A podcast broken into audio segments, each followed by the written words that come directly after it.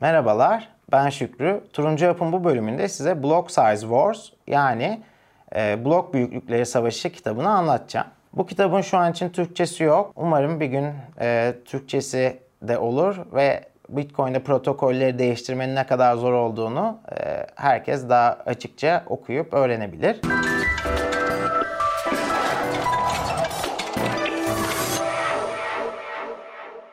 Aslında Block Size Wars denilen olay 2015 e, ile 2017 arasında geçen blok büyüklüklerini büyütmek isteyen grupla blok büyüklüklerini sabit tutmak isteyen grup arasındaki e, çatışmadır. E, bu çatışmayı isterseniz Satoshi TV YouTube kanalından izleyebilir, isterseniz de Satoshi Radyo üzerinden podcast olarak dinleyebilirsiniz. Bu kitap BitMEX Research tarafından fonlanıp Jonathan Beer tarafından yazılmıştır. Jonathan Beer hani her ne kadar bir sürü bilgiye, e, geçmişe dönerek e, hakim olsa da e, çoğu şeyi de hafızasında kalanlarla e, doldurduğunu söylüyor. Yani bu sebepten dolayı ufak tefek hatalar olursa e, okuyucudan özür dilerim diye başlıyor kitabına. Bitcoin'de blok büyüklükleriyle ilgili ilk tartışma 15 Haziran 2015 tarihinde Gavin Anderson tarafından başlatılıyor. O günlerde Bitcoin'deki bir bloğun büyüklüğü 1 MB iken Gavin Anderson ve Mike Hearn'ın savunduğu Bitcoin XT blok büyüklüklerini 8 MB'a çıkarmayı öneriyor. Bundan sonra da her yıl e, ikiye katlayarak 2036'ya kadar e, bir blok büyümesi öneriliyor bu yazılımda ve toplam 8 GB'lık blok büyüklükleri öneriliyor. Bitcoin her 10 dakikada bir blok üretiyor ve bu 10 dakikada 1 MB'lık bir değer iletebiliyorsun aslında. Bu da saniyede Bitcoin üzerinde 7 işlem gerçekleşmesi anlamına geliyor. E, 2015 yılında hani Bitcoin'in PayPal gibi firmalarla yarışabilmesi için çok daha fazla sayıda işlem yapabilmesi e, konuşuldu. E, ve bu 8 MB'lık öneri de bunun akabinde gerçekleşti. E, 8 MB'lık öneri şu demek oluyor. Saniyede 7 olan işlem sayısını 56'ya çıkarmak oluyor. Bu onaylandıktan bir yıl sonra o iki katına çıkarak e, saniyede 106 işlem, işte 212 işlem, 424 işlem olarak devam etmekte.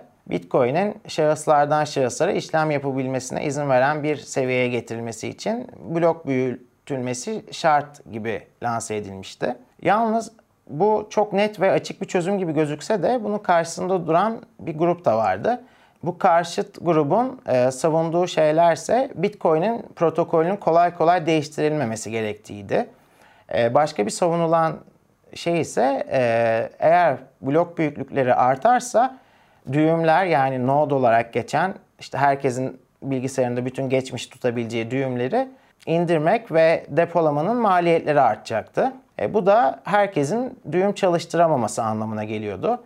Herkesin düğüm çalıştıramaması da merkeziyetsizliği azaltıp e, Bitcoin'i daha merkezi bir hale getirecekti. Ben açıkçası zaten küçük blok tarafında kalmayı daha mantıklı görüyorum. Kendim düğüm çalıştırmayı da seviyorum. Onaylayabilmeyi de seviyorum. Zaten Bitcoin'i farklı yapan şeylerden biri gerçekten diğer para birimlerine göre dağıtık bir yapıya sahip olması ve herkesin yaptığı işlemi kendisinin istedikten sonra kendisi de onaylayabilmesi. Yani bugün Raspberry Pi 3 gibi basit bir cihazla bile Bitcoin düğümü çalıştırabiliyorsak e, bu küçük blokların kalması sayesindedir. Burada İlk bahsettiğim protokolde değişiklik istenmemesi de çok önemli bir e, konuydu. Çünkü protokolde bir değişiklik olması başka değişikliklerin de önünü açacaktı. E, bu ne demek? E, mesela biz şu an 21 milyon bitcoin olacak diyoruz. Eğer bu değişiklik bloklar üzerinden yapılabilirse 21 milyonluk limitin de kaldırılabilmesinin önünü açacak bir değişiklik olarak görülüyordu. E, ve bu tartışmaya açık bir konu değil. Yani Zaten Bitcoin sahibi olan insanlar da bu 21 milyonun e, artmasını istemez. Çünkü ne demek bu? Senin elindeki şey seyreliyor demek. Protokolle ilgili bu çatışmanın büyüklüğünü anlatmak için de Gavin Anderson ve Mike Hearn'ün kim olduğunu anlatmakta fayda var. Büyük blokları öneren ve savunan Gavin Anderson aslında Satoshi ile birlikte e, Bitcoin'in kodunu Source Forge ve sonrasında da GitHub üzerinde kontrol eden kişiler. Bildiğiniz üzere Satoshi Bitcoin'e ortaya attıktan yaklaşık 2 yıl sonra ortadan kayboluyor. Ve kaybolmadan önce e, Bitcoin'in kodunun GitHub ve SourceForge üzerinden kontrolünü Gavin Anderson'la paylaşıyor. Gavin Anderson diğer yazılımcılar yani Bitcoin developerlardan farklı olarak Çok daha sakin ve liderlik vasıfı yüksek bir insan. E, komünitede de bayağı güvenilir bir kişi. Mike Hearn ise Bitcoin Gel kütüphanesini geliştiren ve bu sayede de Bitcoin'i mobil cüzdanlarda kullanmamızı sağlayan önemli e, yazılımcılardan bir tanesi. E, bu iki önemli yazılımcıya ek olarak BitPay, Blockchain.info, Zapo, Bitgo gibi sitelerde imzaladıkları mektupla destek oluyor. Bu firmalar e, ciddi maddi güçlere sahip ve arkasında da kurumsal yatırımcıların olduğu firmalardı. Bu yüzden de bunların destek vermesi de e, büyük blokların işini kolaylaştıracak gibi gözüküyordu. Bu süreçte Teimos adlı bir kullanıcı da var. Bu hem Bitcoin Wiki hem Reddit'teki R Bitcoin hem de e, Bitcoin Talk forumunu yöneten kişi. E, Teimos bu süreçte tavrını e, küçük bloklar yani hani sistemin olduğu gibi kalmasından yana kullanıyor. Bunun sebebi de şu, büyük bloklar tercih edilirse zaten zamanla insanlar daha fazla büyük bloklu olan Bitcoin'i kullanmaya başlayacak. Madencilik gücü oraya geçecek ve kullanım da orada artacak. E, bu doğal bir şekilde gerçekleşirse de ben de o zaman büyük blokları e, desteklerim tarzında bir yazı paylaşıyor. Şimdi o zamanın da dokusunu düşününce Bitcoin nispeten erken giren insanlar daha serbest işte konuşma özgürlüğü e, ve özgürlüklerden yani libertaryen kısımdı. E, Teymos'un ilk bu yaptığı açıklama çok fazla eleştiriliyor çünkü biraz sansür uygulamaya başlıyor bu üç tane e, mecra üzerinde de. Bu arada şunu belirtmekte de fayda var. E, Bitcoin'deki maksimum blok büyüklüğü 19 Haziran 2010'a kadar belli değildi. Yani bununla ilgili kodda hiçbir şey yoktu. E, Satoshi 19 Haziran 2010'da bunu teklif ediyor ve Eylül ayında 2010 Eylül ayında bu geçerli olmaya başlıyor. Bitcoin'in ilk başta blok büyüklüğü ile ilgili e, bir kısıtlamasının olmaması aslında tartışmaları da kolaylaştıran bir şey oluyor. Çünkü zaten ilk başta böyle dizayn edilmemişti. Ondan sonra e, spam saldırısı yani hani gereksiz işlemlerin blok zincirinde kaydedilmemesini önlemek için Satoshi böyle bir yönteme başvurdu deniyor. 2015 yılındaki savaşa geldiğimizde de zaten Satoshi çoktan ortadan kaybolmuştu. Ee, ve iki tarafta Satoshi'nin daha önce yazdığı işte yazıları örnek göstererek bak işte büyük blok istiyordu, bak işte küçük blok istiyordu, sebepleri şunlardır diye e, kendi tarafını savunuyordu. Bu çatışmada e, her ne kadar büyük bloklar çok avantajlı gibi gözükse de yani paranın ve gücün hatta madencilerin de desteklediği taraf olsa da e, kazanan küçük bloklar oldu. Çünkü Bitcoin'de kodu değiştirebilirsin. Hatta zamanında Gavin Anderson ve Satoshi Nakamoto'nun iki tane GitHub sahibi olması da bir şey değiştirmiyordu. Çünkü yeni bir kod yazılabilir yeni bir kod e, sunulabilir. Yalnız burada kullanıcıların neyi kullandığının önemi var. Bu blok büyüklükleri savaşında da e, gördüğümüz şudur ki yani ne para, ne madenciler, ne de yazılımcılar aslında kodu değiştirme hakkına sahip olamıyor. Bir yerde kullanıcıların neyi seçtiği önemli hale geliyor. Zaten e, Bitcoin'in e, yapısını da düşünürsek e, şu an işte her 10 dakikada bir 6.25 Bitcoin ödülü dağıtılıyor. İşte 2024'de geldiğimizde bu 3.12.5'a düşecek.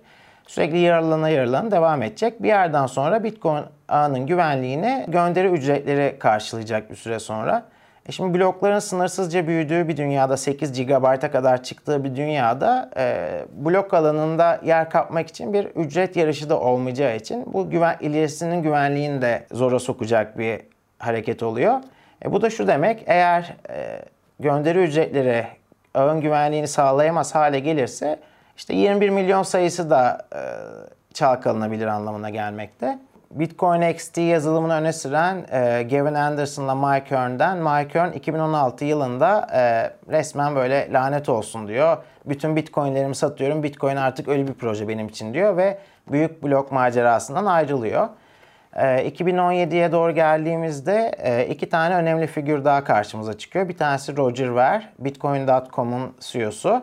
Ee, aynı zamanda da böyle hani Bitcoin'in İsa'sı olarak böyle bilinen, Bitcoin'i çok fazla insana yayan ve Bitcoin için zamanında iyi şeyler yapmış biri. Bir tanesi de e, Craig Steve Wright, nam diğer Fake Toshi. E, neden Fake Toshi deniyor? Çünkü kendisi Satoshi olduğunu iddia ediyor yıllardır ve işte bir sürü Bitcoin'e sahip olduğunu ve işte bu adres bana ait, şu adres bana ait diye e, savunmakta. Ama bunu iddia ettiği adreslerden bazılarının sahipleri blok zincir üzerinde imza bile attı. Bu adresin sahibi Craig değildir, Craig bir dolandırıcıdır diye imza bile atıldı.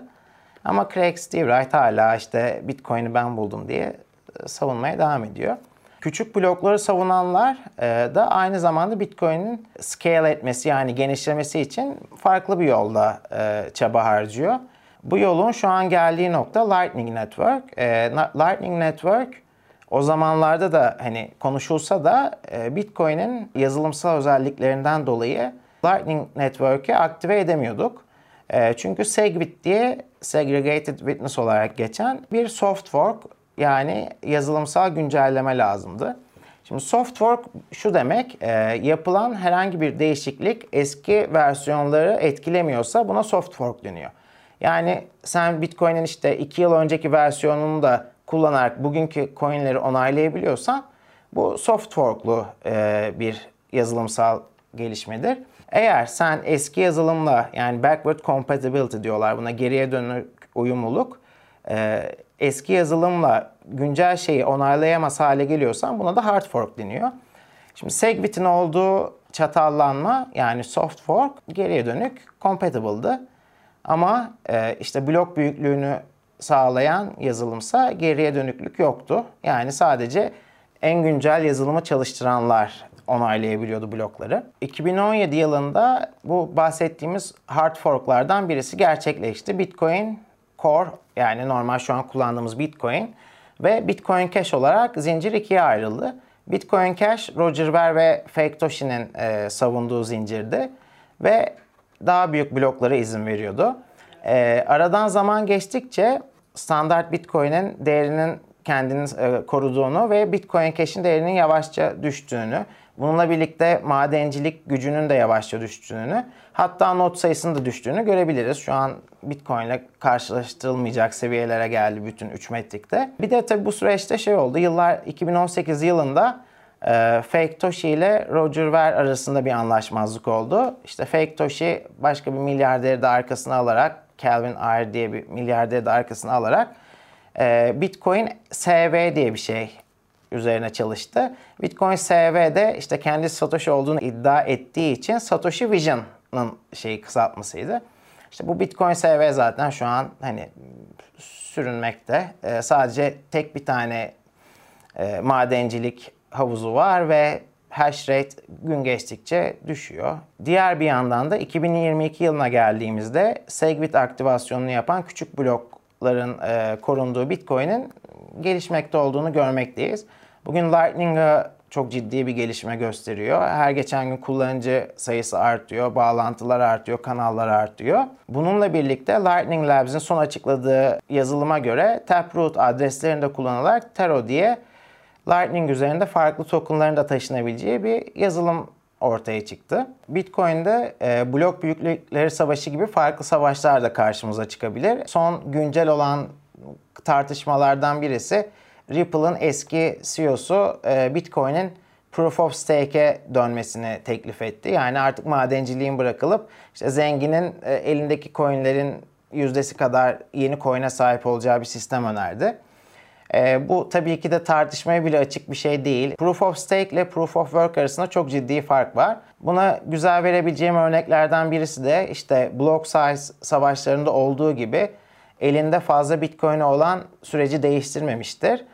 Ee, ama günümüzde Elon Musk Twitter'ın %10 hissesini satın aldı. Yani yüksek miktarda bir stake'e sahip oldu. E, bununla birlikte yönetim kuruluna girip e, hani bazı kuralları değiştirmeye aday bile oldu diyebiliriz. Proof of Work algoritmasıyla e, elinde maddi gücü olan şahısların değişim yapılmasının önüne geçilmektedir. Bu kitap Bitcoin tarihi için e, çok önemli olan işte blok savaşlarını anlatıyor. Bu e, madencilerin, işte Bitcoin sahiplerinin ve kullanıcıların ne gibi güçlere sahip olduğunu ve protokol değişikliklerinin nasıl gerçekleştiğini anlamanız için okuma, okunması gereken bir kitap. Blok savaşlarının tarihçesini detaylı olarak öğrenmek isterseniz bu kitabı okumanızı tavsiye ederim. Kanalımıza abone olmayı ve bildirimleri açmayı unutmayın. Umarım bu bölüm de hoşunuza gitmiştir. Önümüzdeki bölümlerde görüşmek üzere.